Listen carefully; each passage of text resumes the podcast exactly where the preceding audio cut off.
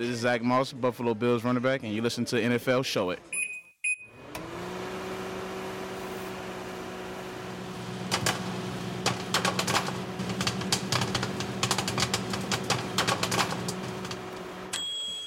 Og ham her, Zach Moss, er så ikke længere hos øh, Bills. Han var nemlig en del af en af de handler, vi fik frem mod trade deadline i sidste uge, og den handel og flere andre kommer vi til at tale mere om i den her udgave af NFL Show, der er optaget live on tape og er produceret af Quarto Media i samarbejde med Tafel. Og oddset fra Danske Licensspil.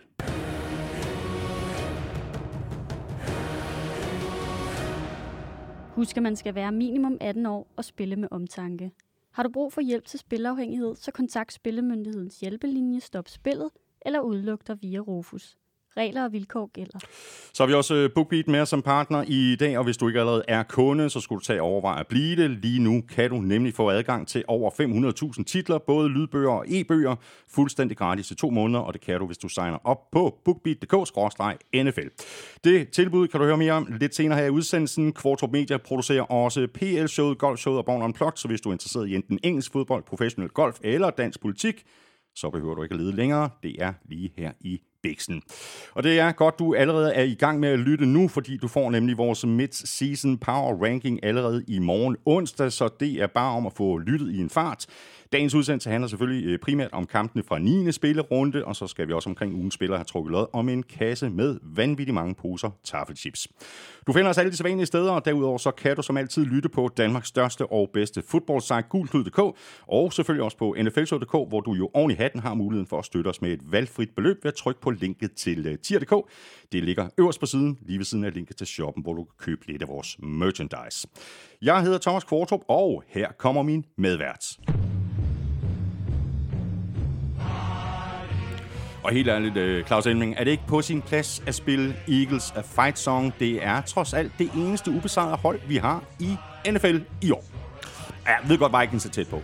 Nej, nej, det er slet ikke det. Nej, prøv det er fint. Og de er 8-0 for første gang øh, i, i deres historie. Og jeg tjekkede lidt op på det. Og i Super bowl der har der været 35 mandskaber, der er startet 8-0. Mm-hmm. De 17 er gået i Super Bowl, og de 8 har vundet. Ja, ja, men øh, det er jo forholdsvis øh, gode øh, odds i forhold til så meget andet. Godt at se dig igen. Godt at have dig tilbage her i Studie 1 i øh, Rødovre. Havde du en god tur til USA? Det var en fabelagtig tur. Altså en af vores bedre, kan jeg vist uh, roligt konkludere. Vi havde 43 medrejsende danskere, som fik sig en oplevelse for livet. Tre fede fodboldkampe, tre fede fanoplevelser. Og så lige det der besøg ja, af Hjalte Frohold, som uh, jeg fortalte lidt om sidst jeg var her.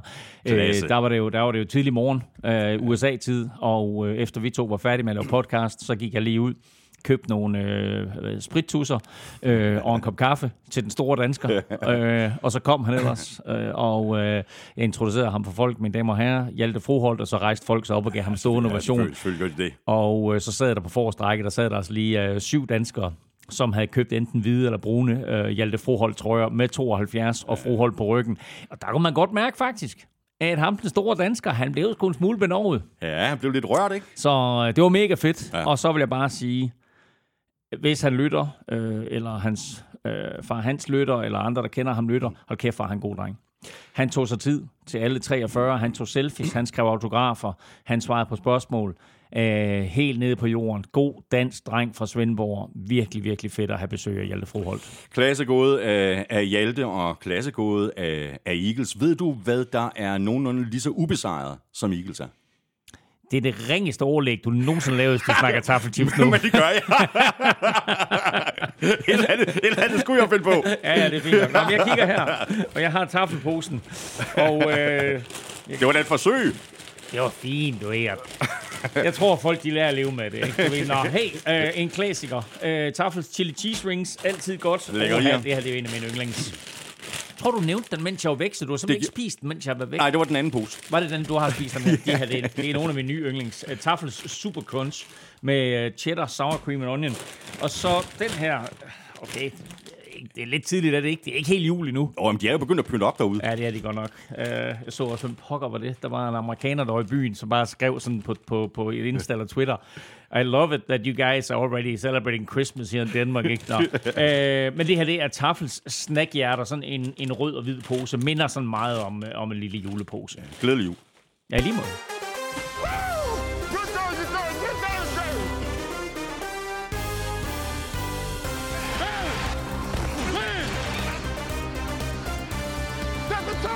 Hold nu op en crazy 9. spillerunde. Jets slog Bills. Commanders var lige ved at gøre det onde ved Vikings. Patriots ydmygede Coles. Og så slog Lions lige Packers, der ligner et hold i regulær krise. Fem nederlag i træk. Au, au, au.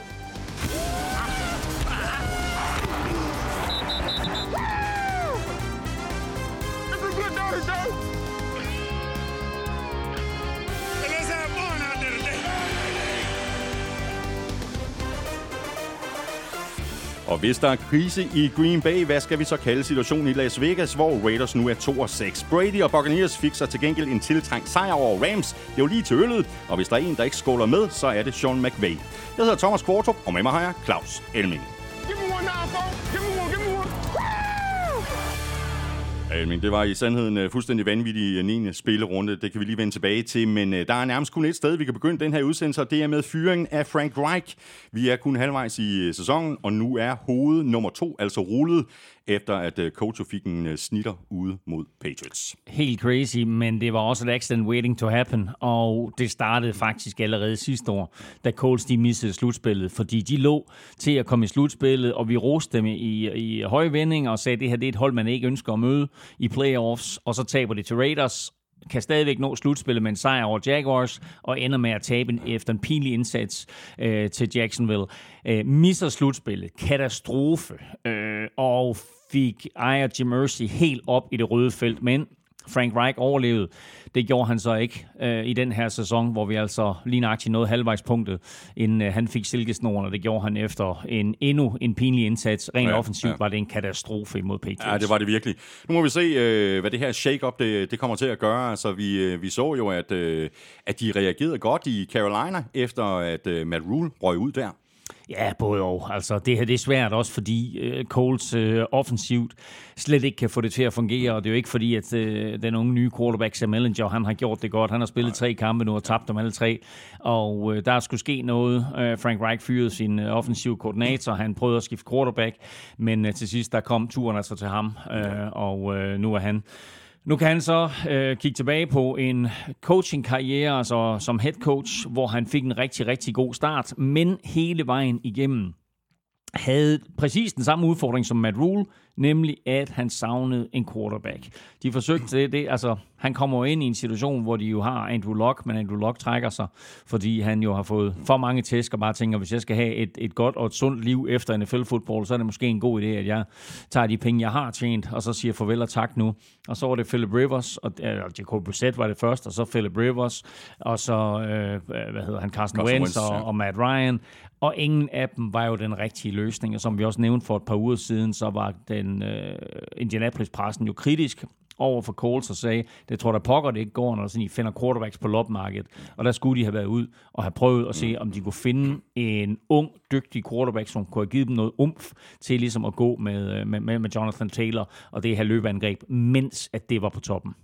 De har øh, sikkert øh, blikket stift rettet mod øh, næste draft. Det tror jeg godt, at, øh, at du har. Ja, altså sådan som det går nu, øh, altså øh, Texans ligger godt nok i samme division som dem, men altså de kunne principielt godt vinde en kamp eller to mere. Øh, Colts øh, ligger til at få draft pick 1 eller 2, mm. øh, hvis, hvis det fortsætter på den her måde, ja, vil jeg sige. Og det er en god quarterback-overgang, der kommer ind nu her. Øh, formodentlig også bedre end den, vi lige har været igennem. Så vi kunne godt øh, komme tilbage til, øh, hvad skal vi kalde det, de gode gamle nye dage, yeah. hvor der bliver draftet quarterbacks 1 og 2. Uh, og der ligger Colts altså måske til at tage en af de her topdrenge.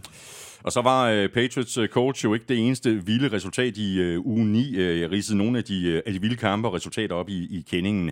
NFL er ganske enkelt for vildt. Jamen, hvor er det, hvor er det fabelagtigt, ikke? Altså, man må bare sige, at uh, altså, bedst som, bedst som vi, vi, vi tror, at vi har styr på, hvem de gode hold er, øh, så kommer der bare nogle resultater, og der, der, og, som, som overrasker, og som fuldstændig rykker op og ned.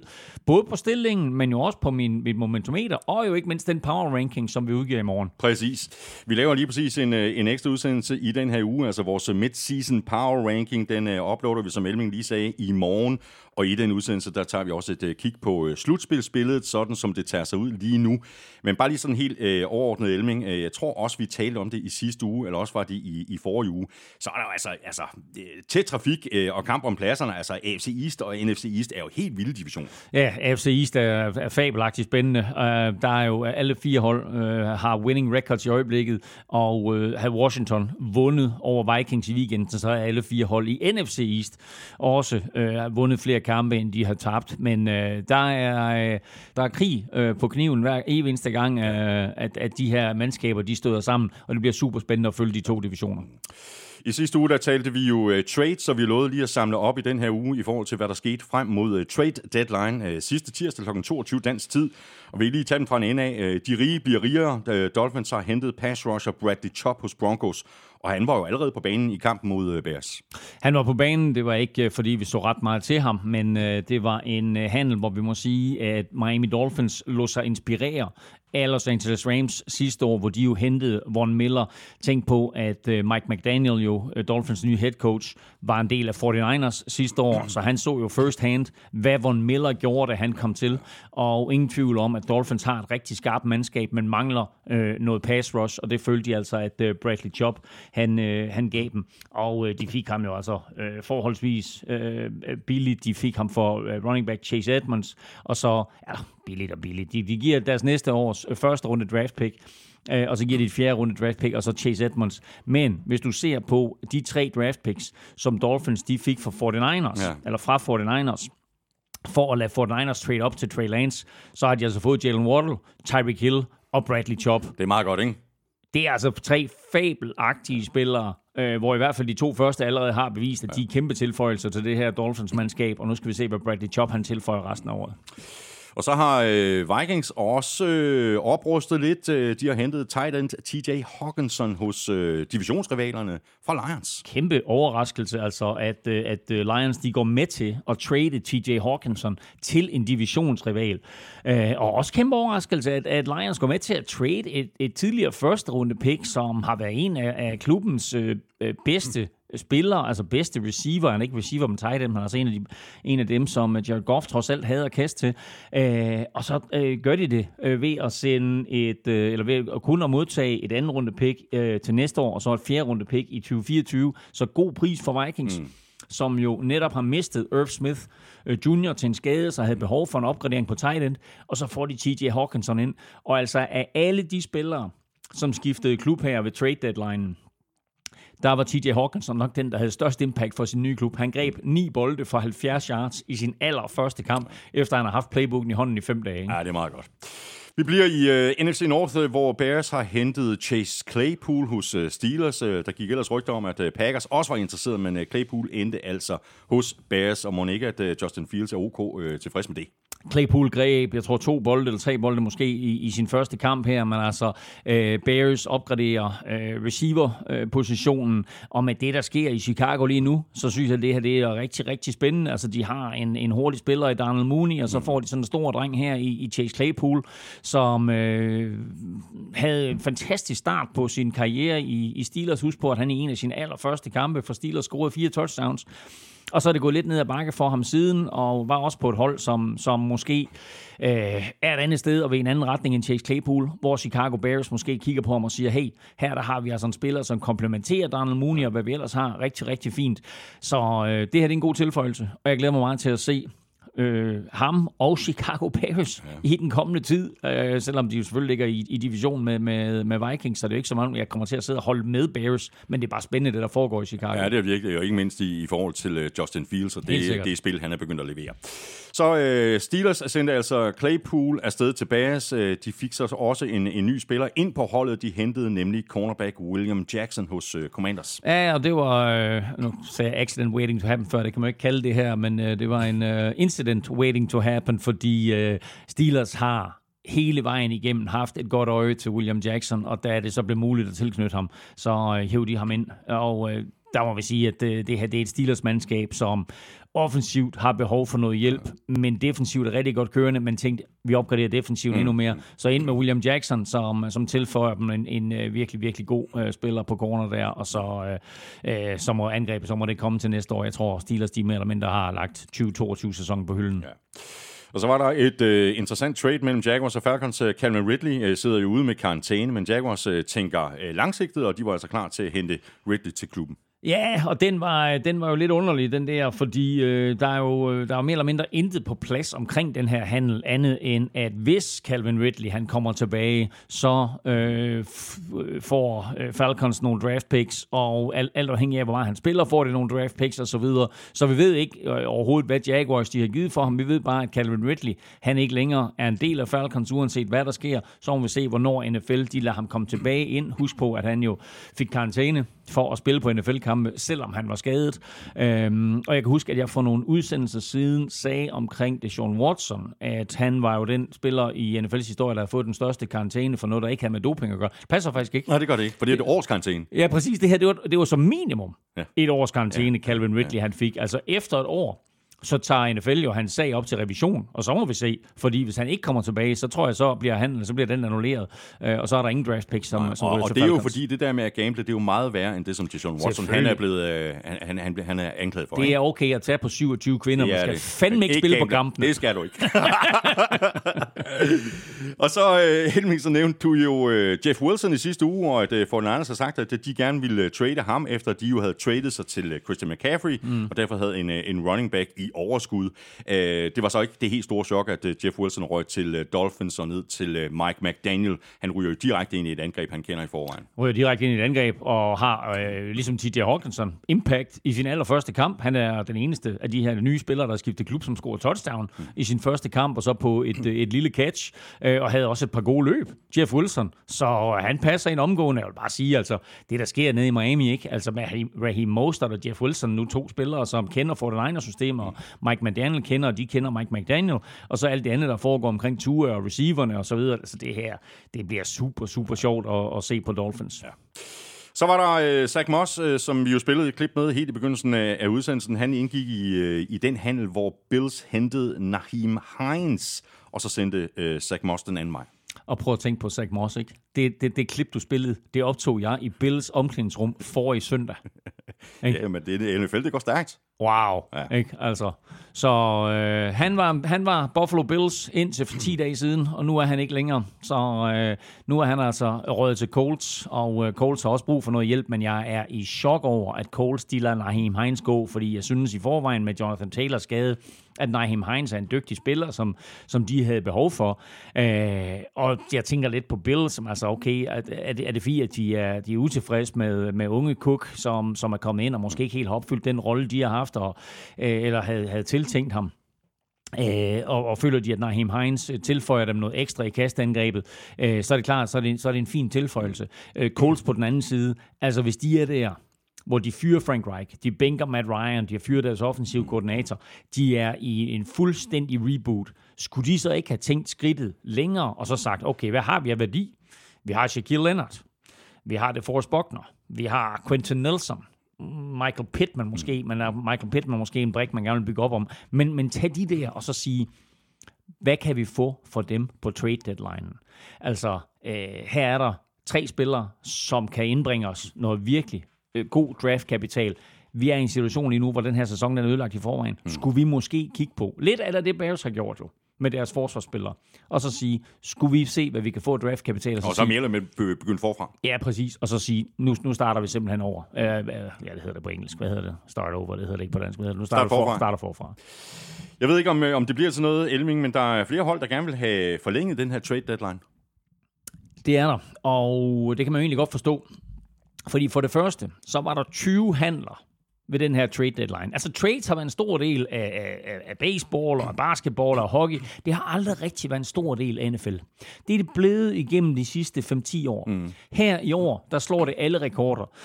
Der er 20 handler, alt i alt, som jo starter med, med, med Robert Quinn og Christian McCaffrey og et par stykker øhm, tidligere. Og så her på selve trade deadline dagen, altså sidste tirsdag, der er der 10 handler på dagen.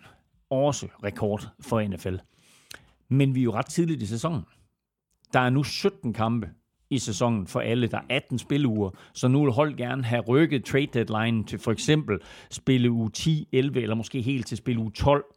Og det tror jeg øh, vil være rigtig godt, fordi på det tidspunkt, der har hold altså en bedre indikation af, om de kommer i slutspillet eller ej.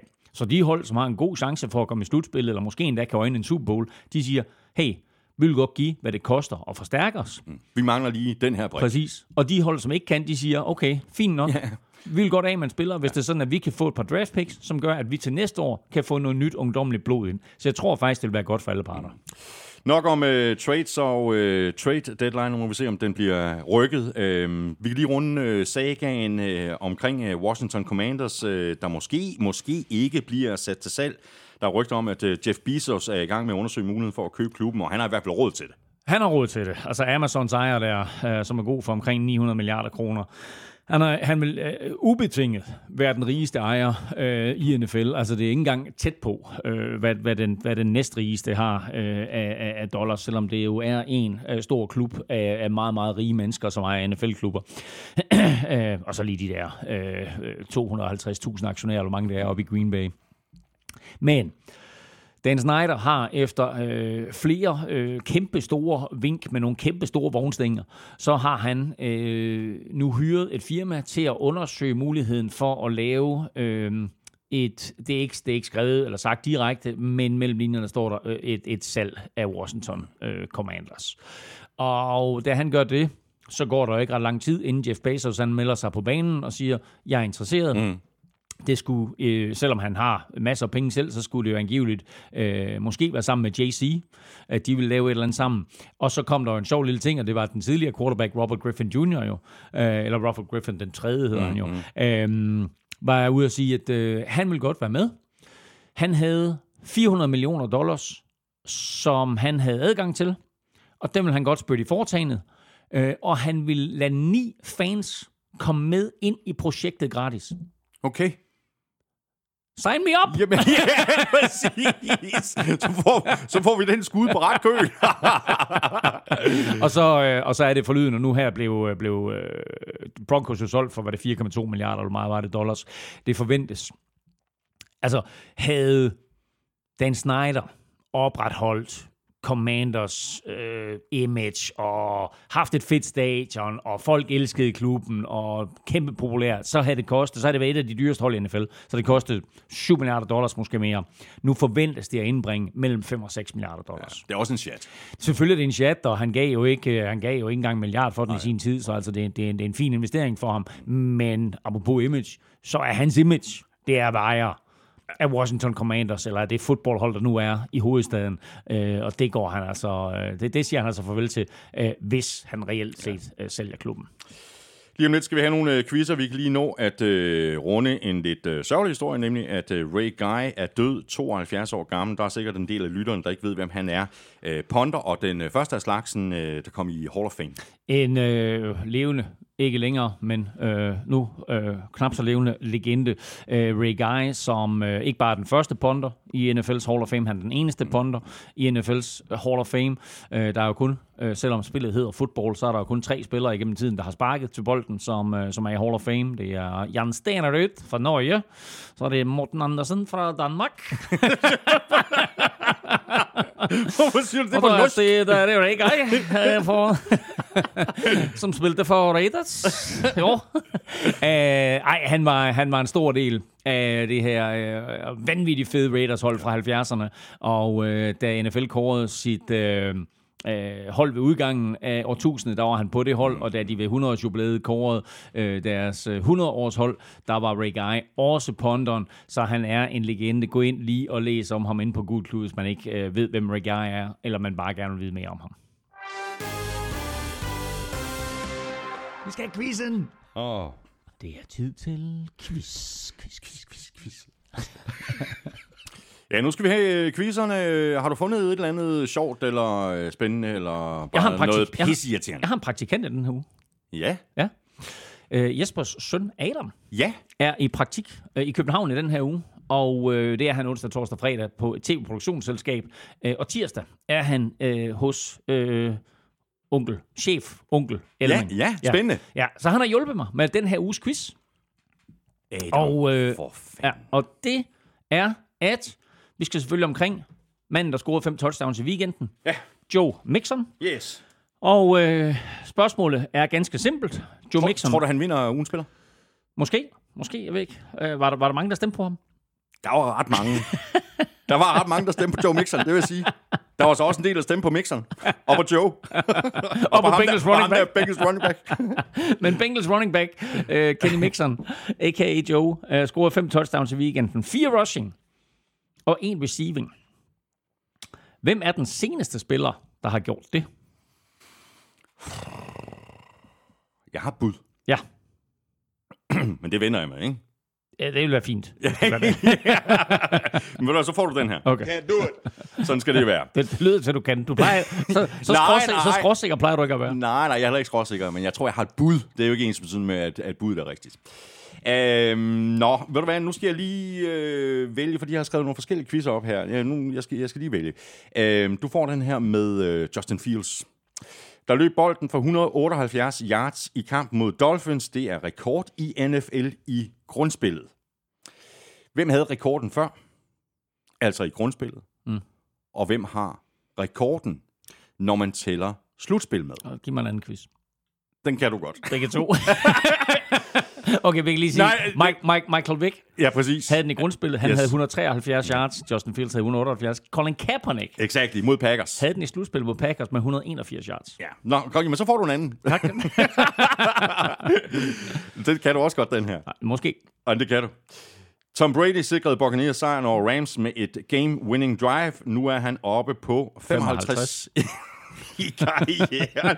Du ødelægger quizzen. Har du mig? Okay, og, og det er en mere end Peyton Manning. Det er fuldstændig korrekt. Ja. Ja. Jamen, så får, du, så får du den svære. Så får den svære Du er quiz. selv ude om okay, det så. det er. Du er selv ude om Ja, det. godt.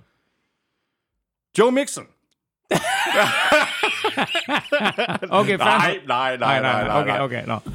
Okay, jamen du så er det kun mig, der skal svare på din quiz. Jeg har, Nej. jeg har ikke mere nej, fordi det er Joe Mixon. Det, og det, jeg tror, det overlapper i forhold til... øh, Kom med Joe Mixon-quizzen. Øh, Joe Mixon er kun den fjerde spiller Ja. med tre rushing touchdowns eller mere, plus et øh, grebet TD Ja. i en enkelt halvleg. Uh, Hvem er de andre? uh. Jamen, den kan jeg ikke svare på. Nej. Så den her. Præcis. Okay, Jamen, det er godt. Vi vender tilbage til det øh, til sidst i, øh, i, i udsendelsen. Nu hopper vi nemlig i øh, kampen, og vi øh, tager selvfølgelig Monday Night-kampen først. Kampen fra i nat mellem Saints og Ravens. Og den kamp vandt Ravens uden de øh, store problemer med. 27-13. Ravens er nu 6-3 og ligner mere og mere et hold, som man ikke rigtig har lyst til at møde. Og Ravens var jo uden både Gus Edwards og Mark Andrews.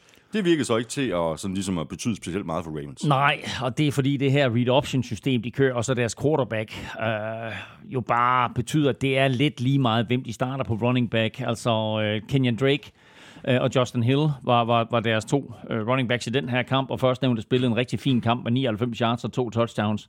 Øh, og så øh, i stedet for Mark Andrews, så spillede øh, rookie tight end Isaiah Like, øh, Isaiah, Isaiah, Isaiah, Isaiah, Isaiah, Isaiah, Isaiah, Isaiah, Isaiah, Isaiah, Isaiah, Isaiah, Isaiah, Isaiah, Isaiah. Det lyder lidt jysk. Isaiah, han hedder Isaiah. Ja, exakt det. Isaiah Likely, han, øh, han fortsætter bare med at imponere og levere altså en eller to store spil i hver eneste kamp, og her der scorer han øh, kampens første touchdown øh, i en, øh, en ellers stillingskrig. Øh, stod 0-0 længe. Ja. Det touchdown øh, var i øvrigt Lamar Jacksons touchdown-kast nummer 100 i øh, karrieren. Og så i anden halvleg, der gentog Ravens nærmest sådan gameplanen for bokskampen. Løb bolden og løb den igen. Øh, de kaldte efter pausen syv kasteplays og 28 løbespil.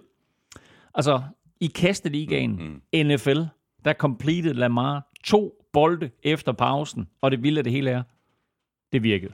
Det gjorde det nemlig. Saints forsvar, de blev trætte, de blev forvirret, og de kunne ikke øh, stille noget op til sidst.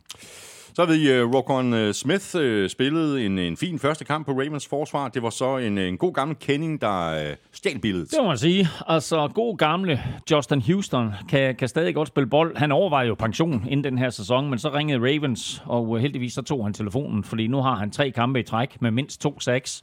Uh, mandag aften laver han to og et halvt sack, og det var også lige en interception. Så han er nu på 110 et halvt sack i karrieren, og dermed så kom han faktisk op på 25. pladsen af alle spillere all time. Øh, I øvrigt et sack efter Cam Jordan, som han jo mødte mandag aften. Øh, en anden gammel kending var også tilbage i det virken, du så, men øh, Ravens er jo sådan lidt tyndt besat på receiver, efter de har lukket Rashad Bateman ned for sæsonen, så Deshaun Jackson mm. var tilbage i en NFL-uniform, og øh, han gjorde ikke sådan særlig meget væsen af sig, han var inde på en, på en 10-12 spil eller noget i den retning, og greb en enkelt bold for 16 yards. I forhold til uh, Saints, uh, så uh, scorede uh, Will Lutz uh, et par field goals, uh, men Morten Anders var faktisk også på banen. Ja, det var han nemlig. Han kom på banen i pausen til en hyldest.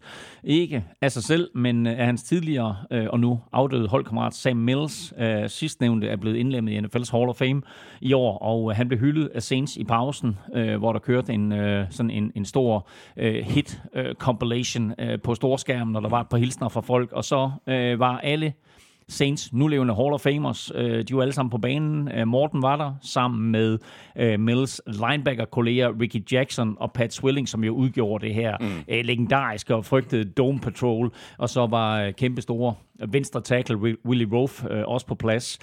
Men det var desværre for de fremmødte fans også noget af det eneste, der var at juble over, fordi på banen, der var Saints altså overmatch af Ravens.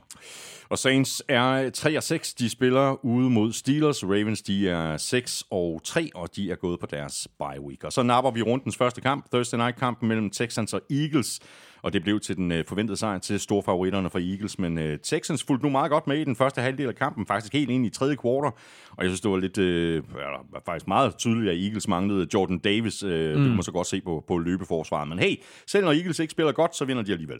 Og det er jo det, der kendetegner god hold, øh, men det her var også lidt det, man kalder trap game, mm. altså en kamp, hvor de er kæmpe favoritter. Faktisk var det jo nummer 1 mod nummer 32 på mit momentometer, men øh, NFL er, som du sagde i starten, starten uforudsigeligt.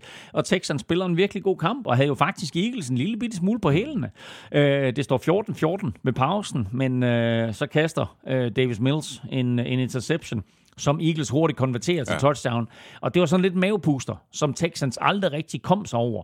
Men øh, set med Eagles øjne, var det lidt bekymrende, så nemt Texans kunne løbe bolden, og det var helt tydeligt, som du siger, at øh, den store rookie, Jordan Davis, manglede i midten af forsvaret. Og så har vi jo virkelig øh, rost øh, Jalen Hurts i år, og med god grund. Øh, han har ikke begået ret mange fejl, men her leverede han så lige en fumble, øh, hans første i år. Det var hans første, og det var Eagles første mistede fumble i år. Og nu er vi otte kampe inde i sæsonen, og øh, i det hele taget, så har det her med turnovers været nøglen til Eagles succes.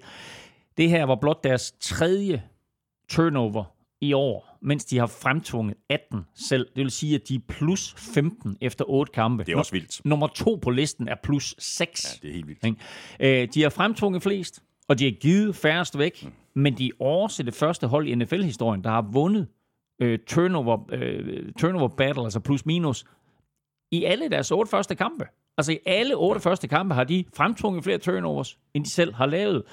Øhm, det er sådan en god opskrift på at vinde fodboldkampe, og selvfølgelig en væsentlig årsag ja. til, at uh, du jo lægger den her udsendelse ud med at spille deres fight song. Præcis. Og nu er Texans så 1-6 og 1, og det er jo nok ikke en, en record, uh, som de bare sidder og savler over nede i Houston, men omvendt, uh, og det er, ikke, det er ikke ment som den her gamle traver med at spille lige op i en stor del af kampen og moral, sejr og alt sådan noget, men alligevel så må den her kamp der give fornyet tro på fremtiden. Det synes jeg, du er ret i. Og jeg vil sige det på den måde, de har altså... Øh, jeg synes faktisk, de har ramt plet i den her draft. Der er nogle virkelig, virkelig gode spillere imellem, og de har altså fået to kanon rookies ind i form af cornerback Derek, Sting, øh, Derek Stingley Jr., som de jo tog med pick 3, øh, og som jo lever op til det høje draft pick, synes jeg. Han lukker fuldstændig ned for A.J. Brown i den her kamp. A.J. Brown scorer godt nok et touchdown, men det er en af de få situationer, ja. hvor Derek Stingley ikke er på ham. Øhm, og så har de fået running back Damian Pierce. Øhm, og helt ærligt, hvis han spillede for et bedre hold, så tror jeg, at han var i spil til at blive Rookie of the Year. Øhm, Kigger man så lidt ud i fremtiden, og kigger man på det faktum, at de har et hav af draft picks, øh, og flere af dem i første runde, på grund af blandt andet handlen med, med Deshaun Watson, så øh, synes jeg, der er håb om, at den her genopbygning af Texans, den kan gå sådan øh, rimelig stærkt fra nu af. Lige nu er Texans altså 1-6-1, og de spiller ud mod Giants. Eagles er 8-0, og de spiller hjemme mod Commanders, og det gør de Monday Night. Videre til uh, Patriots Colts, der endte med en uh, sejr til Patriots på 26-3. Colts fik uh, meget lidt ud af anstrengelserne på angrebet. De konverterede absurde 0 af 14 på tredje down. Wow, så er det, det sådan, set. Så er det sådan en lille bitte smule op ad bakke at, at spille fodbold uh, 0 af 14 på tredje down. Ja, det er svært at spille fodbold, og det er i hvert fald vanskeligt, hvis man har ambitioner om gerne at ville vinde kampene.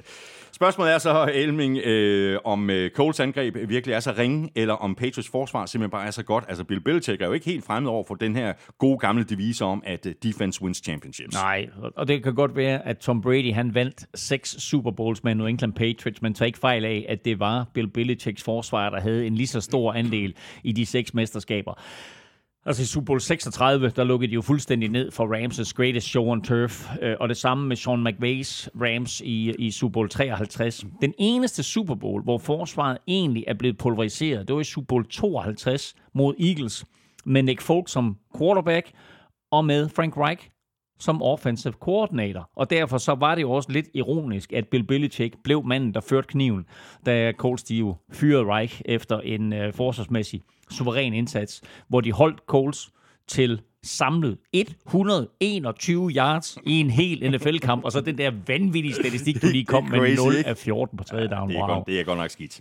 Uh, I forhold til Patriots, uh, så er der jo flere spillere på deres uh, forsvar, vi kunne vælge at fremhæve, men hvad med en, en spiller som Matt Judon? Uh, han i virkeligheden spil til at kunne blive Defensive Player of the Year?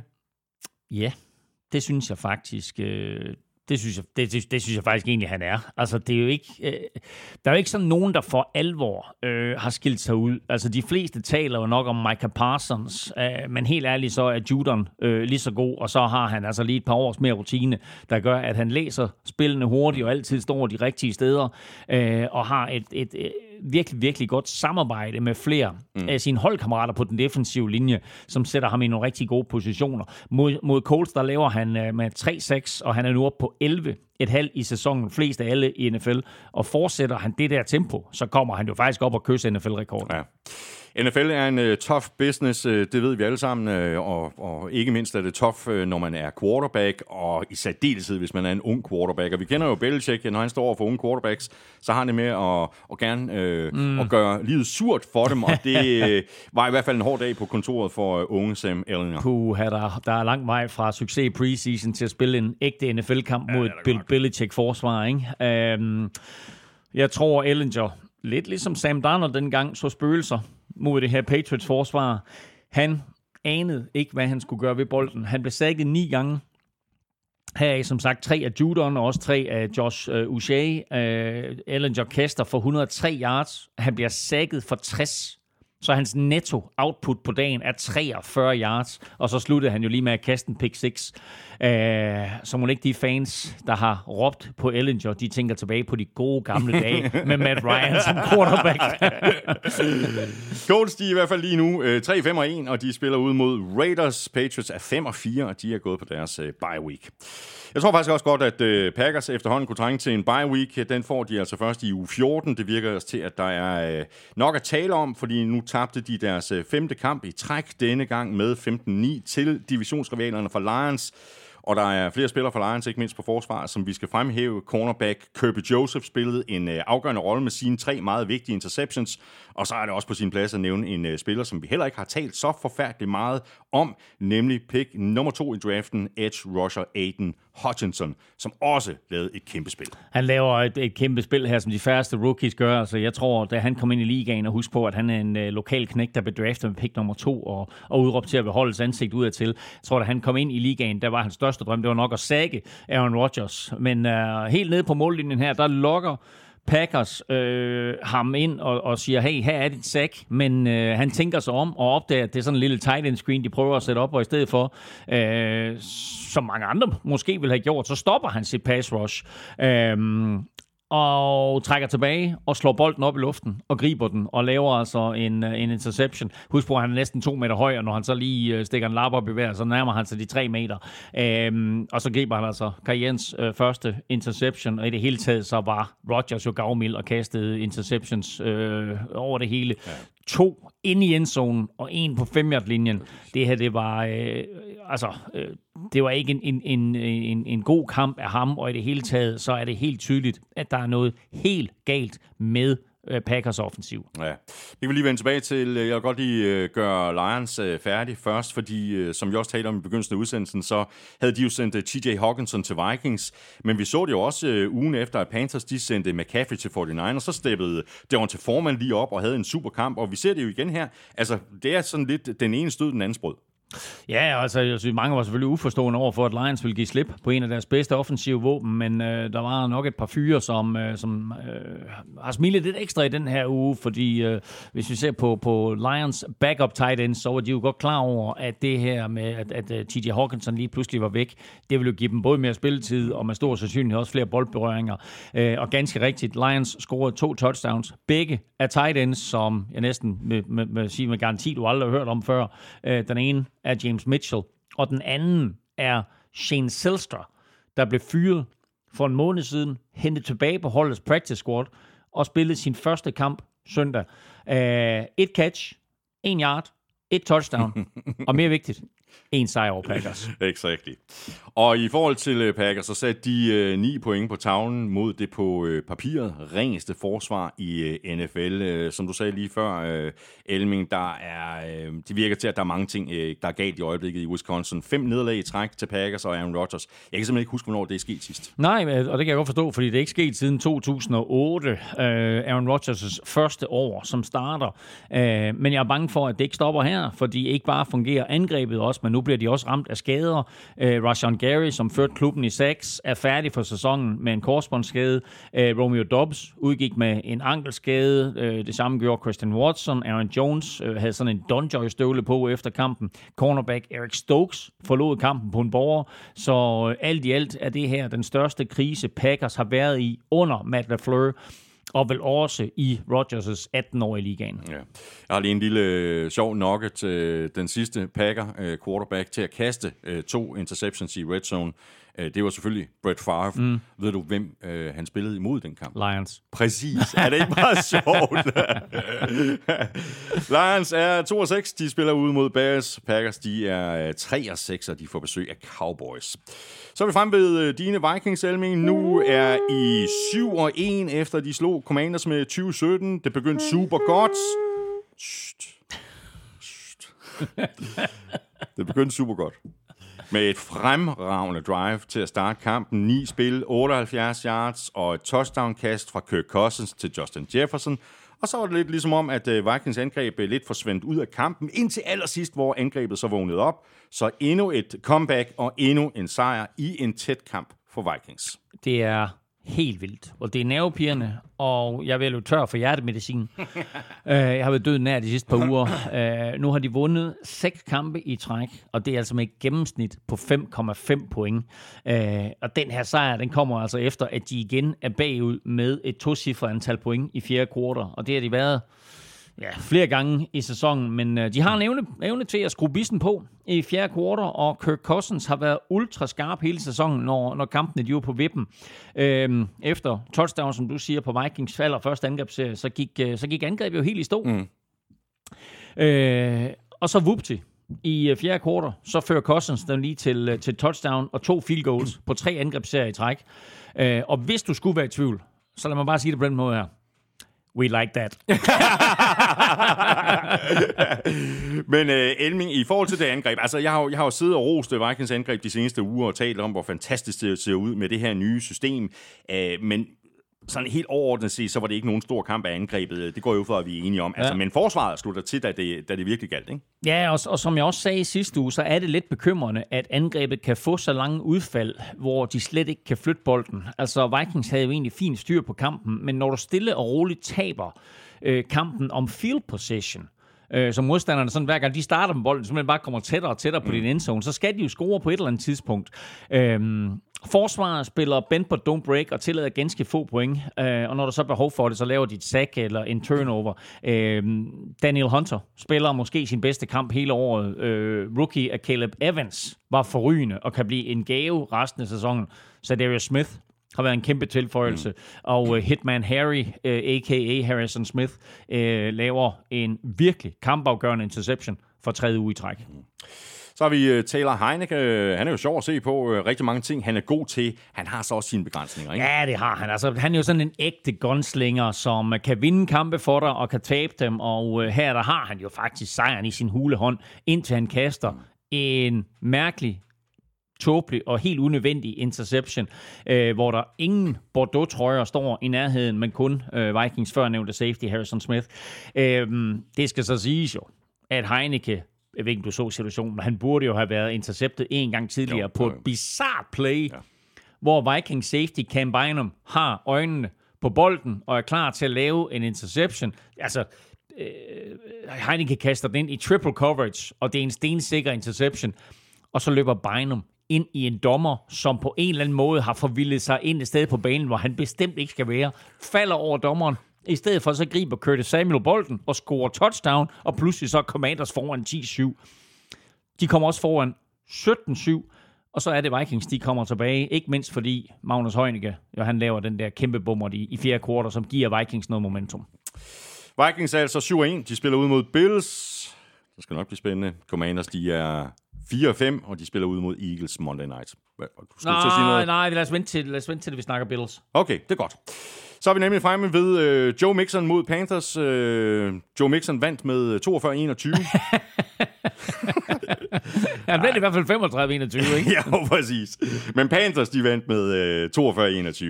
Øh, og det er altså, det er jo en lille smule vanskeligt at komme udenom Joe Mixon og den her kamp, som han spillede. Det var jo craziness. Begge quizzer i dag omhandler Joe Mixon, og det gør det selvfølgelig, fordi det hører til sjældenhederne at score fem touchdowns. Altså kun fem spillere før Mixon har haft 200 yards og scoret fem touchdowns, og kun to spillere før ham har løbet fire ind og grebet et touchdown i den samme kamp. Øhm, og det er jo vildt nok, fordi det her det er imod Panthers jo sådan forholdsvis solide defense. Øh, og det er med et løbeangreb, som har været ikke eksisterende i år, og som blot seks dage forinden jo blev lukket fuldstændig ned af Browns.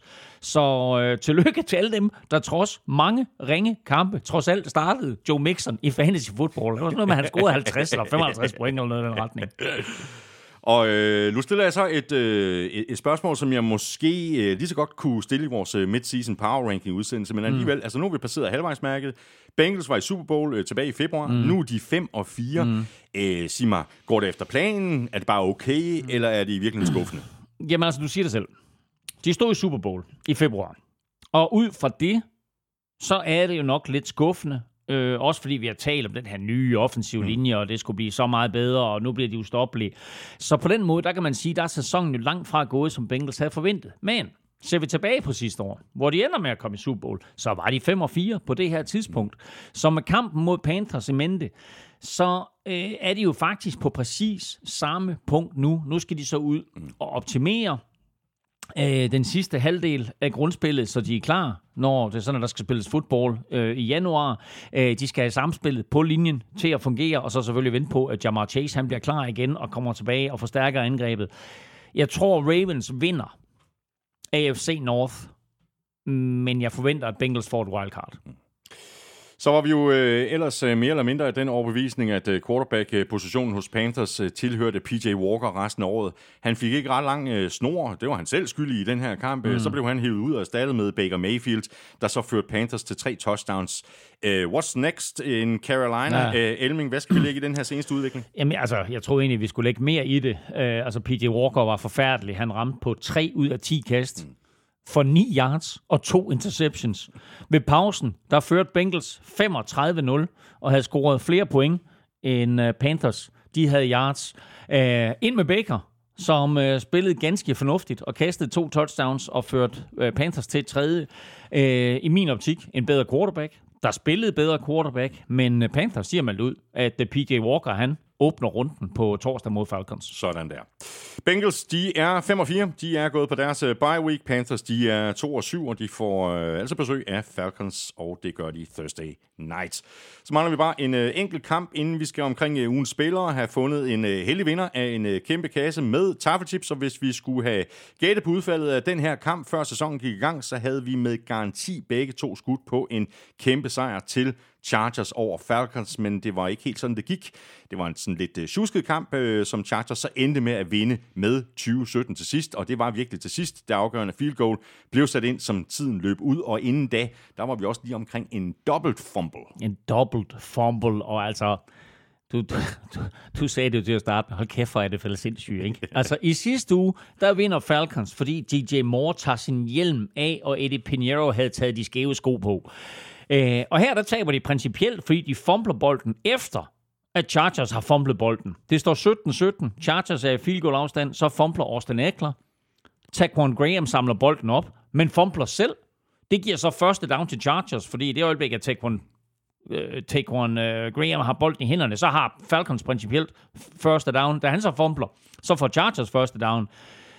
Og, men helt ude på midterlinjen. Men så er Justin Herbert skarp. Bum, et kast, 22 yards, ind med Cameron Dicker, field goal 2017, og Chargers lever. Ja, og øh, i forhold til øh, Cameron Dicker, har vi ikke lige talt om ham øh, her for nylig? Jo, det er nemlig meget sjovt. Dicker the Kicker. Kan du huske det? Dicker the Kicker. Vi talte om ham så sent som i spil uge 5, hvor han jo spillede en enkelt kamp for Philadelphia Eagles og lavede det vindende 23 yard field goal med 1.45 tilbage mod Arizona Cardinals. Han kom til Chargers i torsdags. Spiller, vinder, vinder kampen om kickerpladsen fredag. Spiller søndag og scorer gamewinderen med 0 sekunder tilbage. Han har spillet to kampe i år for to forskellige hold og sparket to vindende field goals. Jeg siger bare, er der nogen, der gider give den knægt Vikings nummer? I, øh, I forhold til, øh, til Falcons øh, emning, så fungerer øh, løbeangrebet jo, men øh, Marcus Mariota og kastangrebet, det halter lidt mere, gør det Ja, ikke? jo, det synes jeg. Altså, Falcons har jo et, et øh, trehovedet monster øh, på running back. Øh, faktisk næsten fire, hvis du tæller Mariota med. Øh, Cordell Patterson var tilbage og scorer to touchdowns. Tyler Algier løber for 99 yards, og Caleb Huntley tilføjet 34 yards. Alt i alt, øh, og jeg tror Mariota havde 50 eller noget i den retning, alt i alt lige under 200 yards løb, som burde give fundamentet for, at Mariota også vil have større succes, når mm. han kaster bolden. Men han er bare ikke særlig skarp. Uh, han er upræcis. Han kaster for kort. Han misser nogle åbne receiver. Uh, hans dybe skud uh, er, er for langsom til at nå frem. Cornerback eller safeties når over og dække receiverne op. Uh, alt i alt 12 for 23 for beskedende 129 yards. Ja, det er ikke godt, men jeg synes, han Nej. spillede meget bedre for nogle uger tid siden. Jamen, jeg er helt enig. Øhm, og, jeg- og, ja, altså som sagt, der er bare, bare et eller andet galt med, Ja. ja. med, med, med, med rytmen i, i, i hele hans, hans, hans kasteproces. Øhm, og den skal blive bedre, når du har våben som Kyle Pitts og Drake London. Chargers, de er 5 og 3. De spiller ud mod 49ers. Falcons, de er 4 og 5, og de åbner runden ude Thursday night mod Panthers.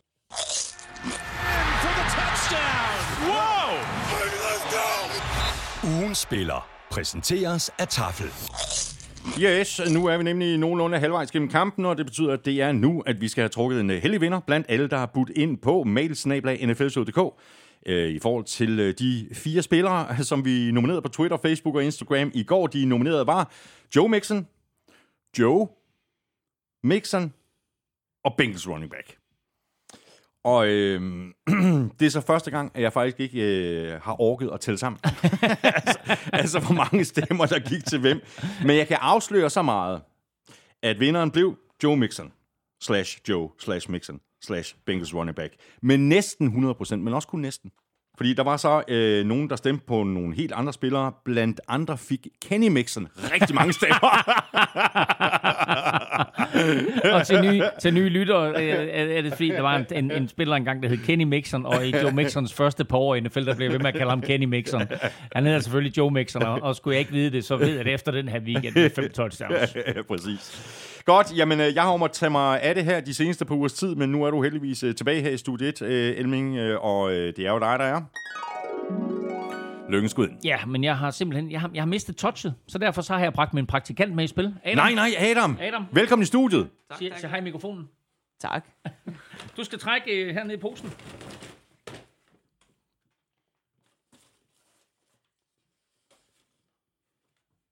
Godt. Og vil du læse højt, hvad der står? Skal jeg gøre det for dig? Jeg kan godt selv sige det. Det er Mixon Søren Højgaard Sørensen. Sådan. Hvor er vi henne i landet? Øh, På, på din hjemmeegn. ja, Oppe i høj. Åh, oh, sådan der. Godt, jamen ved du hvad, jeg får øh, sædlen her. Det er stærkt gået, det der, Adam. Øhm, Søren Højgaard Sørensen fra Åby Høj. Stort tillykke med det. Jeg sender dit øh, navn og adresse videre til Honne på tafel lidt senere i dag, og så sørger hun for at få pakket din øh, gevinst øh, og sendt den afsted til dig. Tak fordi du leger med. Tak til alle, der har skrevet ind. Alle har chancen igen næste uge, når Elming og jeg nominerer tre eller måske fire spillere på Twitter, Facebook og Instagram mandag formiddag.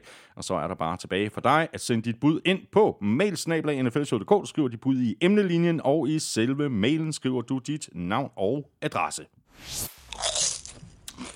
Og så er vi øh, tilbage i øh, kampene, og det er vi øh, med en kamp mellem to hold, der har grus i maskineriet og virkelig kæmper for at komme tilbage på sporet. Og efter tre nederlag i træk, så fik øh, Buccaneers endelig en sejr. De vandt hjemme med 16-13 over Rams. Det var lige til øllet. Nede med 13-9 steppede Brady pludselig op til sidst i kampen med 44 sekunder tilbage på klokken, og med ingen timeouts at øh, gøre godt med. Der førte han Buccaneers 60 yards ned af banen, seks offensive spil og touchdown og en meget vigtig sejr.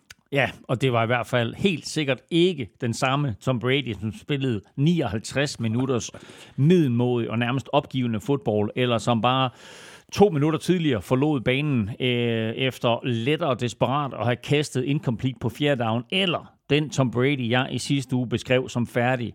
Her var den klassiske Tom Brady, som du giver spidsen af en lillefinger, og som så æder dig råt på 45 sekunder uden timeouts. Det var vildt, det var imponerende, men det var også decideret elendigt af Rams forsvar. Ja, det Selvom Jalen Ramsey skød med skarpt efter sit eget angreb i omklædningsrummet efter kampen, hvor han brokkede sig højlydt over, at de ikke kunne skaffe bare en enkelt første down.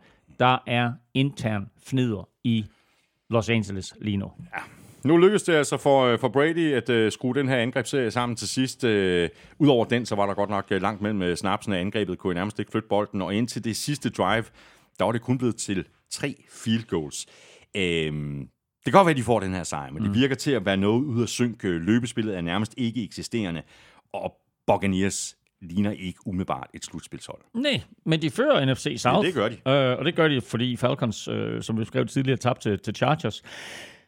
Men som jeg sagde i sidste uge, så tror jeg også, at divisionen ligger til Saints. Altså på den anden side, så er vi jo øh, halvvejs i sæsonen, og det er jo herfra, at, at man skal optimere spillet på banen, og så får det hele til at klappe i sådan i de sidste øh, 4-5 øh, uger af grundspillet.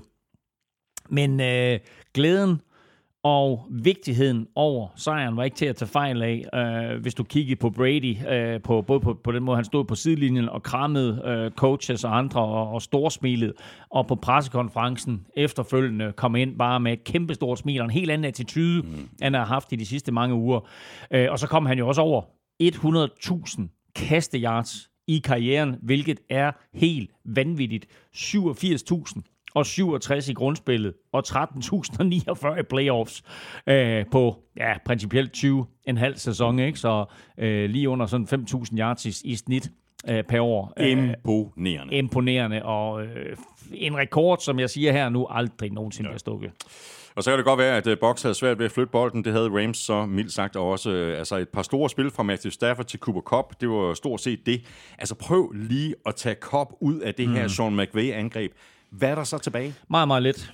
Um, Van Jefferson var tilbage, og han greb lige nøjagtigt 0 bolde øh, ud af de fem, der bekastede i hans retning. Øh, Alan Robinson blev ved med at skuffe. Han griber godt nok tre bolde, men i det store øh, billede er han sådan lidt en non-faktor. Øh, alle andre griber max en bold, øh, og så er der selvfølgelig Cobb, som griber otte og scorer øh, et touchdown. Øh, geniet, øh, geniet, øh, head coach øh, Sean McVay, øh, lignede også en mand, der var lidt i vildrede. Ja. Øhm, til dels på banen, men især da han mødte pressen efter kampen. Øhm, han sådan lidt øh, pligtagtigt øh, tog skylden for, for angrebets ineffektivitet, men det er helt tydeligt, øh, at især den offensive linje har skuffet, og at han heller ikke er hverken tilfreds med Matthew Stafford, mm som ser skadet ud og ikke spiller på niveau med det, vi så sidste år, øh, og heller ikke er tilfreds med, med sine playmakers. Buccaneers, de er 4-5. De får besøg af Seahawks. Rams, de er 3-5, og de spiller hjemme mod Cardinals. Og så går vi videre til et øh, par andre mandskaber, der faktisk også kæmper for at øh, finde rytmen. Øh, og det så faktisk længe ud til, at Raiders de ville trække det længste strå i kampen mod Jaguars. Raiders de var foran med 17-0 og førte med 2010 ved pausen. Connection mellem Derek Carr og Davante Adams så om sider ud til at være tilbage på sporet. Ni grebne bolde for 146 yards og to touchdowns i første halvleg. Men Jaguars de fik jo lukket fuldstændig ned for den øh, duo i anden halvleg, som Jaguars så vandt mm. med 17-0, og dermed blev slutresultatet altså 27-20 til Jaguars. Og alle Devantes yards og to touchdowns kom i første halvleg. I anden halvleg, der griber han en bold for 0 yards, så fuldstændig som i sidste uge, så forsvandt han fuldstændig ud af angrebet. Det skal Josh McDaniels har kigget på, hvordan han får rettet op på, og så skal han også finde ud af, hvordan han forsvarer øh, en stor føring og lukker kampe. Mm. Nu er det tredje kamp i år, hvor Raiders er foran med 17 og taber. Det, det er faktisk en tangering af, af en NFL-rekord, som man ikke ønsker at være en del af. Nej. Jaguars de havde tabt øh, fem kampe i træk, så det er jo ikke nogen overdrivelse at sige, at øh, det her var en, en sejr, der lunede. Øh, og det må også lune for, for Jaguars fans at se Trevor Lawrence levere på et højt niveau, især i anden halvleg. Øh, han havde god hjælp også af Travis øh, Etienne, der fik 109 yards og to touchdowns på 28 løb.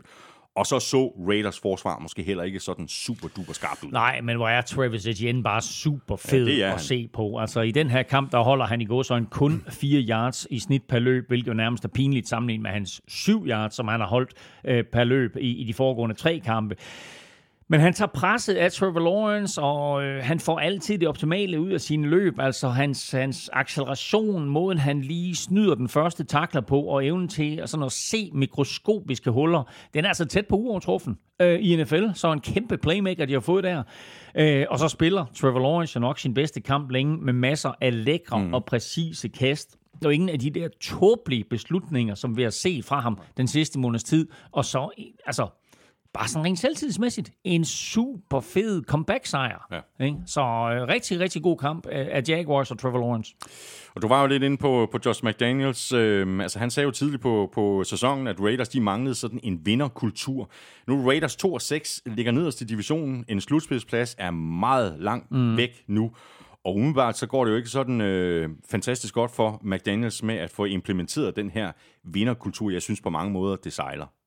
Jamen, vinderkulturen kommer fra toppen, øh, og som nævnt, så har de smidt nogle store føringer. Øh, lad os tage de tre kampe, hvor de var foran med 17, altså Cardinals, Chiefs og Jaguars. Vinder de bare to af dem, så er de jo 4-4, øh, og har stadigvæk været i spil til playoffs. Det er de ikke nu i en AFC-halvdel, hvor det ser ud som om, at der skal mange sejre til for at sikre sig en, øh, en wildcard-plads.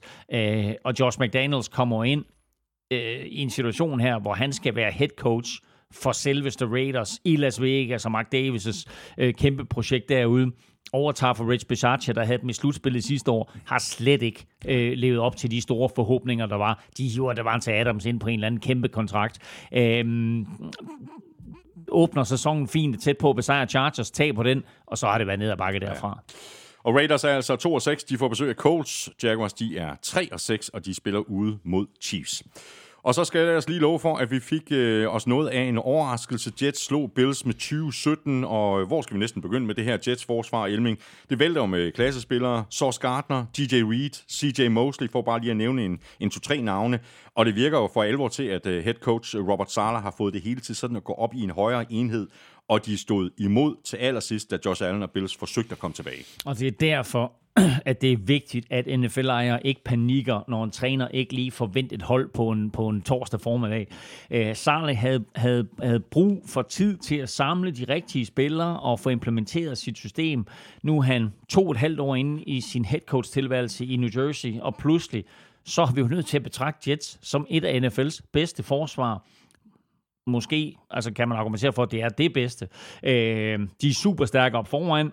Bagkæden er ung, hurtig og opportunistisk, øh, og linebackerne er måske nok forsvarets anonyme gruppe, men de er bare super stabile og limen i det hele. Ja. Og nu er Jets altså 6 og 3. Øh, De ligger to i en meget, meget tæt division. Bills er 6 og 2, Dolphins er 6 og 3, ligesom Jets, og så har vi Patriots, der er 5 og 4. Øh, Men det virker jo til, at Jets de tror på sig selv nu, øh, og det skal vi andre vel også til at gøre. Spørgsmålet er bare, hvor langt de kan nå i den her stærke division. Øh, Dels i år, men også sådan på lidt længere sigt.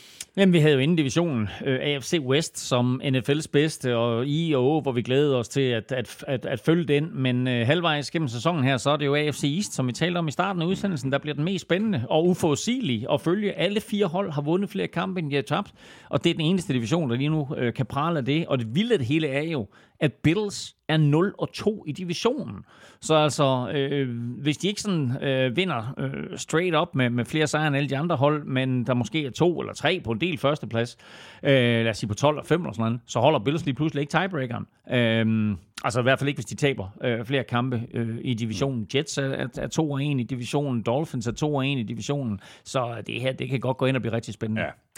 Det her, det var ikke Bills øh, bedste kamp, det vil være synd at sige, og øh, det var mildt sagt heller ikke Josh Allens bedste kamp. Spørgsmålet er så, om det her nederlag skal tilskrives Jets forsvar, eller om det også var en af de der kampe, hvor tingene bare ikke sådan rigtig fungerede. Josh Allen havde også et, et par af den slags kampe sidste år, men hvis det bare er det, det handler om, så er der ikke noget at være nervøs for i, i, i Buffalo. Altså hvis bare Josh Allen spiller lights out resten af tiden, og lige har et enkelt udfald eller Jeg vil sige, der er mange ting at være nervøs for øh, i, i Buffalo lige nu. Øh, et, Josh Allen bliver ramt øh, på det næst sidste play i den her kamp. Og øh, han fyrer godt nok et eller andet kanonkast af til sidst, som godt nok er incomplete. Men efterfølgende er det kommet frem, at han har fået en albueskade af en eller anden art. Og han er til undersøgelse for den albueskade, og det er faktisk meldt ud her tirsdag, at han er tvivlsom til søndagens kamp mod Minnesota Vikings. Så hvor mange kampe er han ude? Hvor mange kampe øh, kan Bills risikere? Mm at de skal spille en backup quarterback.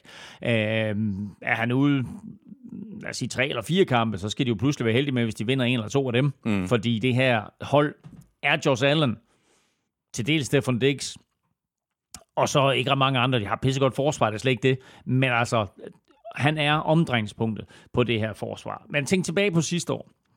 Fordi der havde Bills faktisk også en downperiode lige omkring halvvejspunktet, hvor de jo blandt andet tabte 9-6 til Jaguars. Øhm, det var faktisk også sidste gang, at Josh Allen ikke kastede et touchdown i en kamp. Det gjorde han heller ikke i, i søndags. Så selvom det her nederlag det er dumt og øh, er inden for divisionen, øh, og Josh Allen kaster to unødvendige to- øh, interceptions igen, som han også mm. gjorde mod Packers, så tror jeg ikke, at man som Bills-fan skal panikke endnu. Øhm, det, der så bekymrer mig lidt, det er, at Packers i forrige uge havde succes med at løbe bolden, som de havde, øh, og Jets jo havde det samme i søndags. Så øh, på et hold, der var tæt på komplet, så er løbeforsvaret blevet udstillet to uger i træk. Øh, man kan så sige heller nu end i januar, og så øh, er det helt store, som vi skal holde øje med, selvfølgelig, øh, Josh Allens albu, ja, og, og hvor ja, slemt det er. Ja. Jets er 6 3. De er gået på deres øh, bye week. Velfortjent en af slagsen. Bills de er 6 2, og de spiller hjemme mod Vikings. Og så går vi videre til øh, NFC Vest opgøret mellem Cardinals og Seahawks, og jeg tog øh, sådan lidt chancen i sidste uge og gik med udholdet. Det skulle så vise sig at være en, en god idé, fordi Seahawks vandt nemlig kampen med 31-21. Det så ellers ikke super godt ud efter Gino Smith kastede en pick 6, hvilket bragte Cardinals foran med 14-10.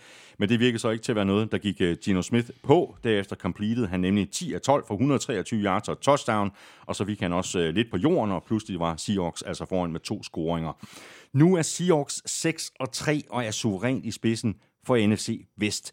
Den havde vi seriøst ikke set komme. Det er jo nærmest på niveau eller over niveau i forhold til det, som vi havde forventet af Jets, og det, som Jets har præsteret. ja, men altså, det er, jo helt, det er jo helt insane, det her. Altså, der er så mange ting ved det her Seahawks-mandskab, og for den sags skyld ved Jets, som du lige nævner. Men der er så mange ting ved det her Seahawks-mandskab, og ikke mindst uh, Coach Carroll og og, og hele den tilgang, organisationen har haft til det her post, øh, til den her post Russell Wilson-periode, som, som bare er, er meget imponerende på en eller anden måde. Um, for det første selvfølgelig Gino Smith. Ham kan vi lige vende tilbage mm. til. Men også uh, Russell Wilson-handel, som vi jo talt meget om dengang, og tænkte, at hey, det er en god handel for Broncos. Ikke? Men altså, de får i den handel, der får de både tight end Noah Fant og defensive lineman Shelby Harris. De laver begge to kæmpe store spil i den her kamp. Uh, så har de to rookie tackles, som de hiver ind i draften i år. De spiller helt solidt begge to. Charles Cross fik de med det første runde draft pick, eller tog de med det første runde draft pick, som de fik fra Broncos. Mm. Så principielt er han jo også en del af, af, af, af Russell Wilson-handlen. Og så har de tre andre rookies i form af running back Kenneth Walker, og så to corner i form af Tarek Woolen og Kobe Bryant, der bare alle har været kæmpe tilføjelser. Ja, det er virkelig en, en helt uh, fantastisk øh, uh, draft-overgang, som, som uh, Seahawks de, de fik sig der. Og uh, nu nævnte du jo Gino Smith, som vi har talt om uh, flere gange i løbet af sæsonen. Uh, det kan godt være, at han leger lidt med elen på nogle af sine kast, men hvis Seahawks skal kåre en MVP, uh, så må det være ham, og jeg tænker ikke kun på den her kamp, men på hele sæsonen. Ja, og øh, nu er han jo ikke sådan rigtigt i spil til NFL's MVP-titel, men han er lige blevet kåret til månedens spiller i NFC-halvdelen. Og som om det ikke var nok, så er rookie corner Tarek Woolen øh, og, og Kenneth Walker blevet kåret til månedens defensive og offensive rookies i NFC. Øh, faktisk lidt skuffende jo, at de ikke også snappede månedens special team-spiller. øh, men Gino har været god, øh, og er jo faktisk en bedre version, end det vi så af Russell Wilson til sidst. Han leverer præcise kast, han løber bolden til første down, når muligheden byder sig. Og selvom han kaster en pick 6 i søndags, så ryster han det jo hurtigt af sig mm. og kommer tilbage med øh, tre touchdown drives i den sidste ja, halvanden quarter-agtigt. Hvad i al verden er der galt i ørkenen med det her Cardinals angreb? Altså, det virker jo slet ikke til, at øh, de sådan, sådan stabilt kan få det til at fungere. Det var super flot, det åbningsdrive, de lavede, men derefter så var det godt nok småt med den øh, offensive produktion. Øh, de fik så lige øh, pyntet lidt på det til sidst, men hvad er undskyldningen for Cliff Kingsbury efterhånden. DeAndre Hopkins er tilbage, så den undskyldning er der mm, ikke længere. Mm. Og James Conner, han var også inde i den her kamp. Så hvor er undskyldningen for Cliff Kingsbury? Hvorfor fungerer det ikke? Jeg ved ikke, hvor undskyldningen er for Cliff Kingsbury. Um, Altså, der er et eller andet galt, og der er et eller andet galt med Kyler Murray. Øhm, og det er måske en lille smule for, for unuanceret. Men lad os starte med den største svaghed, og det er den offensive linje. Altså, at hver hold, der starter Billy Price på center, ved man ikke har øh, den bedste linje. Læg dertil fire fall starts på hjemmebane og andre mentale fejl, så har du altså et angreb, der enten skyder sig selv i foden, eller bare ikke er varieret nok. Øh, og så er Kyler Murray altså en udfordring, lidt på grund af hans spil, lidt på grund af hans ringe højde faktisk, men en hel del på grund af hans attitude. Han udstråler, i min optik, bare ikke lederegenskaber. Og så skal man jo lige lægge mærke til også, at øh, Call of Duty og øh, Madden 23 er kommet ud her den forgangne uge, så har han jo heller ikke haft rigtig sådan tid til at forberede sig ordentligt, vel? Nej. har der mange andre ting, han lige skulle... På, på, på, trods af, at det var skrevet ind i kontrakten, ikke? ja, ja. Hold op, ja. Nej, der er, der er nogle ting, de skal have kigget på der, der Cardinals, så vi kommer selvfølgelig også til at tale mere uh, Cardinals og deres udfordringer, når vi uh, når frem til vores uh, midseason power ranking udsendelse, som vi altså uploader i, uh, i morgen onsdag. Cardinals er 3 og 6, og de spiller ude mod Rams. Seahawks, de er 6 og 3, og de spiller ude mod Buccaneers. Og det er jo vel at mærke i Tyskland. In München, München. gegen de Buccaneers aus Tampa Bay. Uh, så det er muligheden for europæiske fans til at se Tom Brady i aktion imod Geno Smith. Og inden sæsonen, han man jo nok regne med, inden sæsonen, der tænkte man, okay, og kæft, hvor er det lort, at de sender Seahawks over for at møde Tom Brady og Buccaneers. Og nu er det omvendt, hvor man tænker, wow, ja. kæft, hvor vil jeg gerne se Geno Smith ja, men... og Seahawks og så håbe på, at Tom Brady og Buccaneers, de kan følge med. Ja. Øh, den mest populære kamp overhovedet nogensinde i europæisk jeg sammenhæng. Skulle, jeg skulle lige til at sige det, at hvis man sad og sagde, åh, den, den vil jeg godt lige flyve ned og se, ja. ja, så skal man i hvert fald ud på det sorte marked, for den uh, kamp, den er for længst udsolgt. 2.000 euro koster det at købe en billet nu, øh, og jeg tror faktisk, det er minimumsprisen, hvis man ind og se øh, kampen. Øh, 1,2 millioner europæere sad i kø på samme tid Crazy. for at købe billetter til den her kamp, ja. så den har været vanvittigt populær. Ja. Så går vi videre til en øh, super underholdende kamp. Øh, kampen mellem øh, Bears og Dolphins, som øh, Dolphins vandt med 35-32. Bears pressede på til allersidst, men Equanimous St. Brown kunne ikke gribe et øh, ellers flot kast af Justin Fields på fjerde down. Øh, og der er selvfølgelig øh, flere forklaringer på, hvorfor den her kamp blev så tæt, men et misset field goal og to turnovers on downs i anden halvleg, hvor Dolphins gik på den på fjerde down og altså ikke øh, fik dem. Det er i hvert fald en del af forklaringen. Ja, og en anden del af forklaringen er det blokerede punt i første halvleg, som Dolphins øh, tog hele vejen til touchdown. Øh, Jalen Phillips kom øh, alt, alt, alt, alt fornemt igennem og blokerede Bears punt med maven, og så kunne øh, Ray Finkel, øh, eller ej, lad os kalde ham Andrew Van Ginkel, øh, Ray Finkel, kan du huske, om det er? det, det, yeah. det er kickeren fra Ace Ventura. Nå, lad os kalde øh, Ray Finkel for Andrew Van Ginkel. Han øh, samlede bolden op og øh, kunne så bringe Dolphins foran 21-10. Og så sagde man, tænkte, okay, jamen, så er kampen afgjort. Men det her Bears-mandskab, og især Justin Fields, de giver bare ikke op. Øh, så det hele det endte jo med et vildt shootout mellem Tua Tagovailoa og Justin Fields. Altså, hvem havde forudset det for to måneder siden? Nej. Så har vi jo talt om farten på det her Dolphins-angreb flere gange. Det er jo helt vildt. Altså både receiver og running backs. Øh, og Tua kan i hvert fald ikke brokse over, at Tyreek Hill og Jalen Waddle ikke løber sig fri. Det gør de jo stort set på hver eneste spil. Tyreek Hill greb syv bolde for 143 yards og touchdown i den her kamp, og han er allerede over 1000 yards øh, for sæsonen. på trods af, at Tua sad ude i nogle kampe. Jeg er overrasket over, hvor stor succes Tyreek Hill har fået i Miami, men øh, hans samarbejde med, med Tua er helt fantastisk. Øh, Tyreek løber sig fri på alle måder. Øh, kort, lang, på tværs, øh, mellem zoner, øh, som escape receiver. Øh, og Tua finder ham jo over hele banen. Og når han så får bolden, så skal man huske at takle ham, fordi ellers så er der altså pludselig lynhurtigt 10 eller 20 yards oveni. Uh, ikke bare har han ramt 1000 yards, han har gjort det hurtigere i en sæson end nogen anden i NFL-historien. Og ganger man hans gennemsnit ud på 17 kampe, så rammer han altså små 2100 yards, hvilket vil være rekord, og naturligvis være den første ja. spiller med over 2000 yards receiving i NFL-historien. Og så er der ikke så forfærdeligt meget at sige til, at uh, Bears forsvar havde lidt problemer med at stoppe uh, Dolphins. Uh, de havde trods alt lige traded to af deres bedste forsvarsspillere væk. Men på den anden side af bolden, der kan de så glæde sig over den udvikling, som Justin Fields er inde mm. i lige nu. Altså manden var stort set dømt ude og blev kaldt for et bust at han spiller bedre og bedre uge for uge og leverer varen både i kastespillet og på jorden. Altså fuldstændig crazy kamp mm. her med 178 yards på jorden.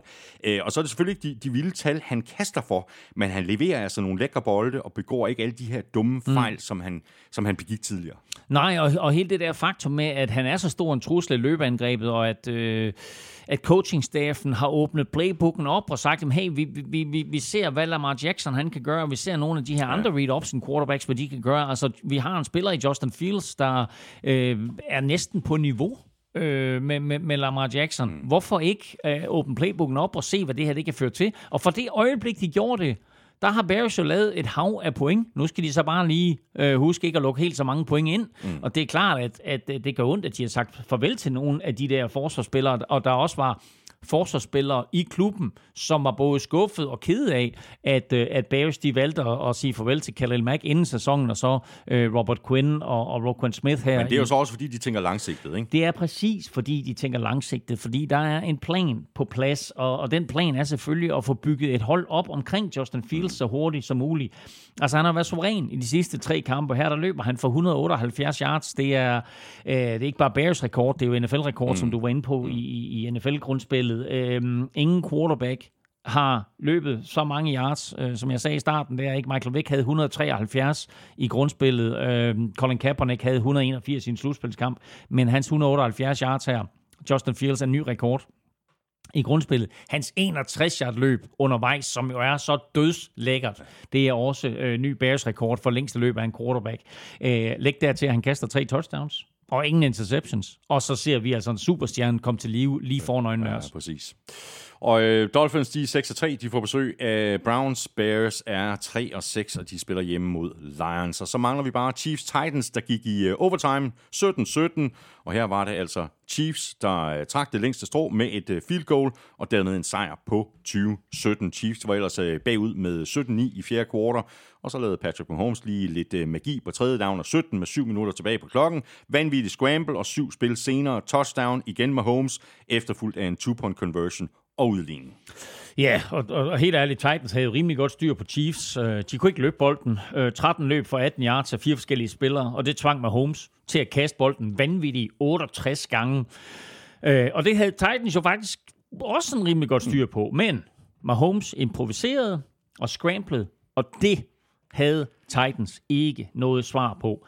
2. og 15, scramble for 16 yards, første down, 3. og 17, scramble for 20 yards, øh, og første down. 3 og 9, scramble for 14 yards og touchdown. Efterfølgende two-point conversion, hvor Titans laver en offside, så Chiefs får bolden på etteren. Chiefs overvejer ingen gang at løbe bolden. De siger, nej, vi vil hellere have bolden i hænderne på Mahomes. Ja.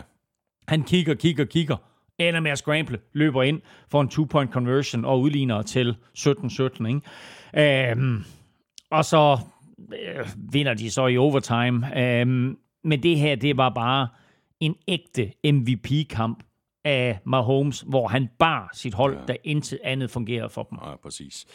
Rent øh, forsvarsmæssigt er der jo ikke øh, nogen tvivl om, hvor Chiefs de havde deres øh, fokus. Øh, det er også det rigtige sted at have sit fokus, når man spiller imod Titans. Ham der, Derrick Henry, han må helst ikke overtage kampen. Han fik en del i første halvleg, 92 yards og to touchdowns, men i anden halvleg og i overtime, der fik de jo sat en prop i ham. Mm. Øh, og vi plejer, plejer jo gerne at rose øh, Chiefs angreb, og ikke mindst med Holmes, som vi også lige har gjort her.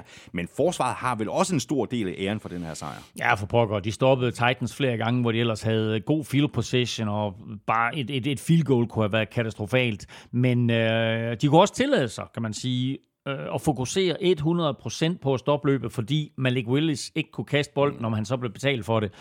Øh, og vent, det gør han faktisk. øh, nå, øh, men, øh, men der, jeg vil sige, det var sgu ikke meget valuta, Titans de fik for, for deres penge her. Øh, fem completions for 80 yards, altså fem completions i hele kampen, for 80 yards, hvor de 48 kom på kampens allerførste spil på sådan en, en, en tight end screen, hvor han jo kun lige vippede bolden ud til sin tight end, mm. og så buller han så for 48 yards. Det vil sige fire completions resten af kampen for 32 yards. I overtime, der fører Mahomes og Chiefs til field goal, og så skulle forsvaret sig ind og afgøre kampen, og det gjorde de ved at stoppe Derrick Henry på første down, og så lave 3-6 i træk. Ja. Så øh, ja, det er Derrick Henry, det der, så længe at, øh, hvad hedder han... Øh, Øh, Ryan Tannehill, Ryan, ja. Ryan Tannehill ikke ja. spiller. Ja, fordi han sad ude for, for, for anden uge i træk, og, og derfor var det altså Malik Willis, øh, rookien, øh, der, der startede, og som du også er inde på, Elming, så har han øh, helt klart sine begrænsninger. Men på trods af det, øh, så spillede Titans alligevel lige op med Chiefs. Øh, skal vi for alvor til at tage dem alvorligt? Altså, det skal vi vel. Øh, I hvert fald så længe Derrick Henry er på banen og ikke bliver skadet ligesom sidste år. Vi skal helt sikkert til at tage dem alvorligt. Altså, tænk på, at de var Altså, de var foran 17-9 længe i den her kamp, og forsvaret tvang Mahomes og company for banen på syv angrebsserier i træk uden point. Fem punts, en interception og et misset field goal. Syv angrebsserier uden point. Det er mest i Mahomes' karriere. Uh, Titans forsvar er super giftigt. De er godt besat i alle galeder, og så mangler de endda Harold Landry, mm. som jo er ude for sæsonen. Uh, for Ryan Tannehill, eller her julemåned, kan vi måske kalde ham Ryan Tannenbaum, øh, får ham tilbage, og så er der trods alt pludselig en eller anden form for kastetrussel. Ja, det er det. Ikke? Øh, og det var der bare ikke i den her kamp. Og så tror jeg faktisk ikke, at der er ret mange, der har lyst til at møde Titans. Slet ikke, hvis det for eksempel er udendørs i januar i Kansas City eller i Buffalo. Og hvor det gør rigtig, hvor rigtig gør ondt at få Derrick Henry i hovedet. Rigtig nald at skulle takle ham sådan en 28-30 gange i sådan en frosthård kamp, ikke? med sådan nogle plastik skulderbeskytter, der er øh, dybt frosten nærmest. Ikke? Altså, det, er, det, kan, det kan godt blive en udfordring. Ja, det kan det virkelig. Chiefs, de er 6 2. De får besøg af Jaguars. Titans, de er 5 3, og de spiller hjemme mod Broncos.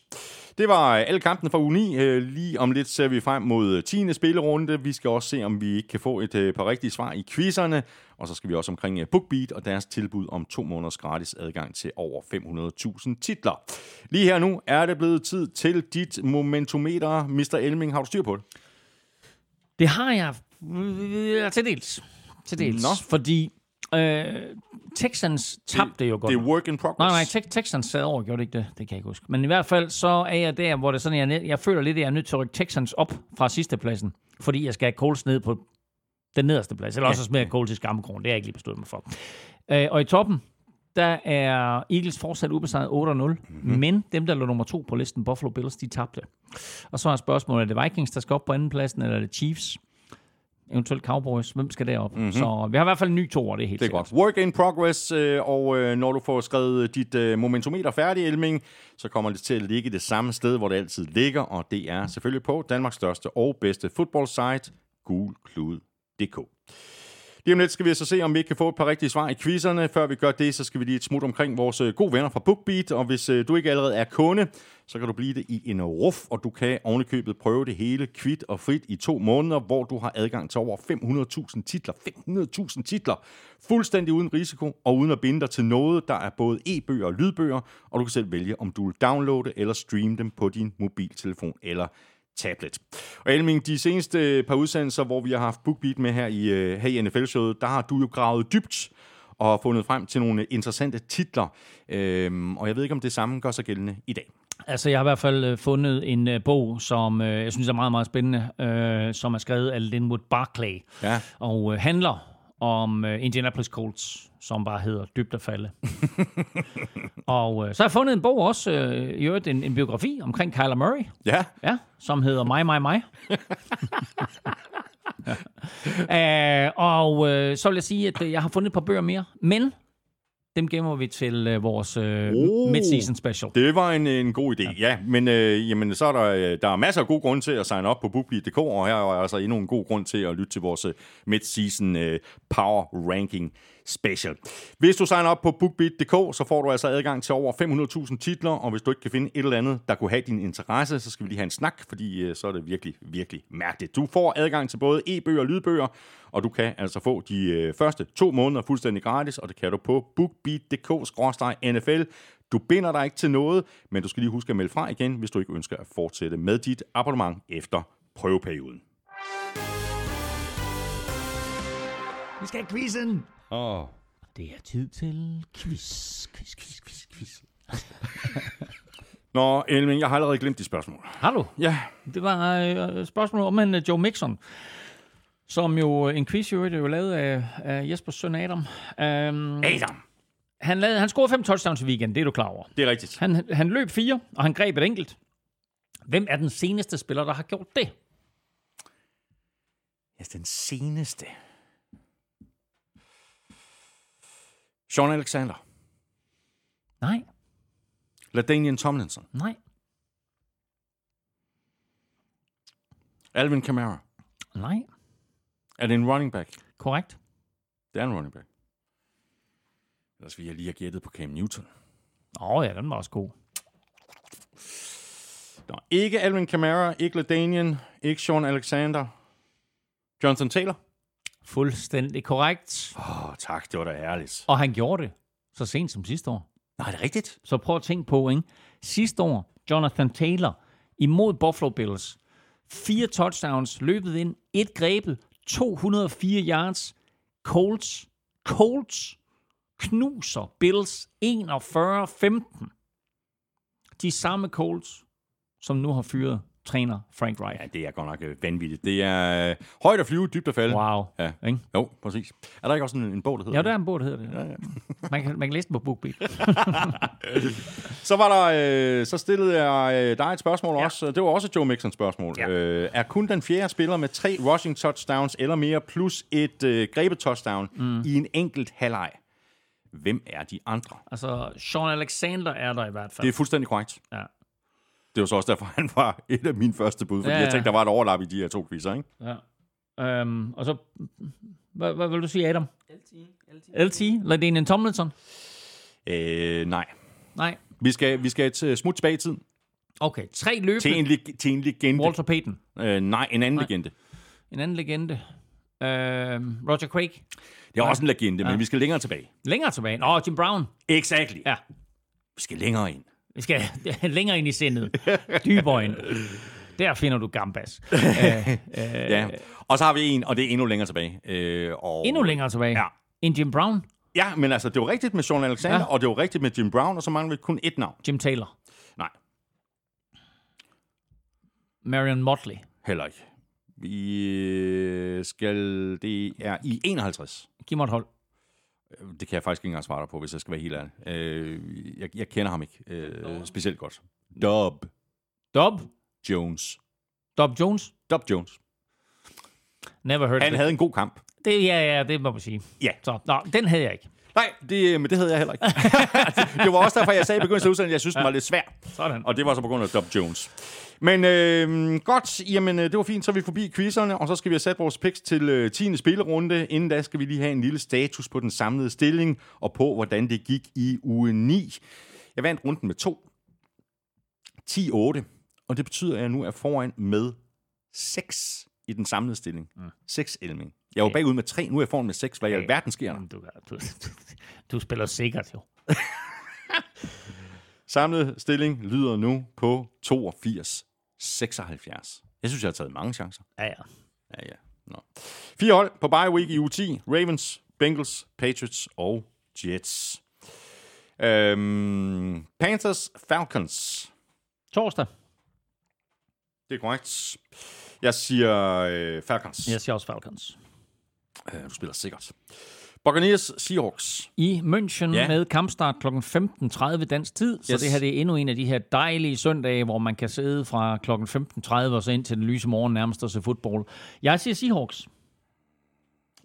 Okay, det er fint. Øh, og nu, jeg tror, jeg har sagt Seahawks de sidste øh, fire uger i træk, eller sådan noget. Mm. Øhm, så tager en chancen. Så tager du boks. Så tager jeg boks. Sådan. Bills Vikings. Ja, Bills. Vikings. Bears Lions. Bears. Bears. Chiefs Jaguars. Chiefs. Chiefs. Dolphins Browns. Dolphins. Dolphins. Øh, ja, Browns har lige set over. Øh, det bliver jo super spændende jo, om White Teller er tilbage. Fordi hvis White Teller er, er, er tilbage, så er Hjalte tilbage på bænken. Men så er han måske en som fullback igen. Mm-hmm. Så det bliver, det bliver jo lidt sjovt. Øh, men øh, med den måde, som Dolphins spiller på, der tager jeg også Dolphins. Giants Texans. Giants, Giants. Steelers Saints. Saints, Har også Saints. Titans Broncos. Titans. Ja, altså der var det jo, man virkelig gerne vil vide, om det er Malik Willis, der spiller, eller det er Ryan Tannenbaum. Øhm, Det er korrekt. ja, jeg siger Broncos. Raiders Colts. Wow, wow, Uh, dump, wow, wow. Dumpster fire. Ja, Jeg går med hjemmeholdet, jeg siger Raiders. jeg siger også Raiders. Packers Cowboys. Puh. Det er det sjette nederlag i træk. Jeg siger Cowboys. Jeg siger også Cowboys. Rams Cardinals. Det kører ikke rigtigt for nogle af mandskaberne. Nej. Men jeg siger Rams. Så siger jeg Cardinals. For Niners Chargers. Niners. Øh, uh, uh, uh. Den er overhovedet ikke spændende. Niners. Stensikker. Tror du det? Jeg siger Chargers. Sådan der. Eagles Commanders. Eagles. Fly, Eagles, fly. Ja, godt så. Du siger også Eagles. Ja, tak. Det er godt. Tak for det, Elming. Uh, godt at have dig tilbage her i Studie 1. Uh, vi giver den gas igen i morgen med vores uh, mid-season power ranking.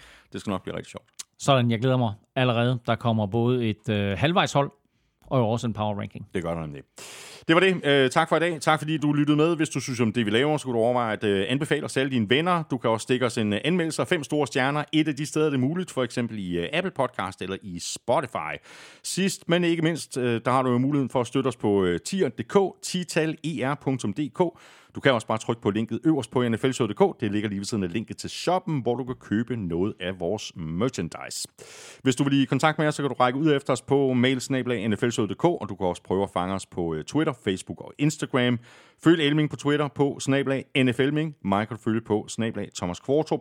Kæmpe stor tak til vores øh, gode venner og faste partnere fra Tafel og Odset fra Danske Licens Spil. Husk at støtte dem, de støtter nemlig os. Og i forhold til Odset, Husk, at man skal være minimum 18 år og spille med omtanke. Har du brug for hjælp til spilafhængighed, så kontakt Spillemyndighedens hjælpelinje Stop Spillet eller udluk dig via Rufus. Regler og vilkår gælder. Også tak til øh, BookBeat for at være med os igen i dag. Husk, at du kan få øh, gratis adgang til over 500.000 titler i to måneder, og det kan du, hvis du signer op på bookbeat.dk-nfl. Vi er tilbage igen i øh, næste uge, og så er vi altså også tilbage igen i morgen. Tak for nu. Vi høres ved. NFL-showet er produceret af Kvartrup Media, der også producerer PL-showet, Golf-showet og Born Unplugged. PL-showet handler om Premier League og lander hver mandag. Golf-showet er klar i dit feed tidlig tirsdag morgen, og fredag eftermiddag er der dansk politik i Born Unplugged. Husk også ved Europa-podcasten, hvis du er til cykelsport. Elming og jeg er tilbage igen i morgen med Power Ranking og med uge 10 i næste uge. Ha' det godt så længe. Hot odds.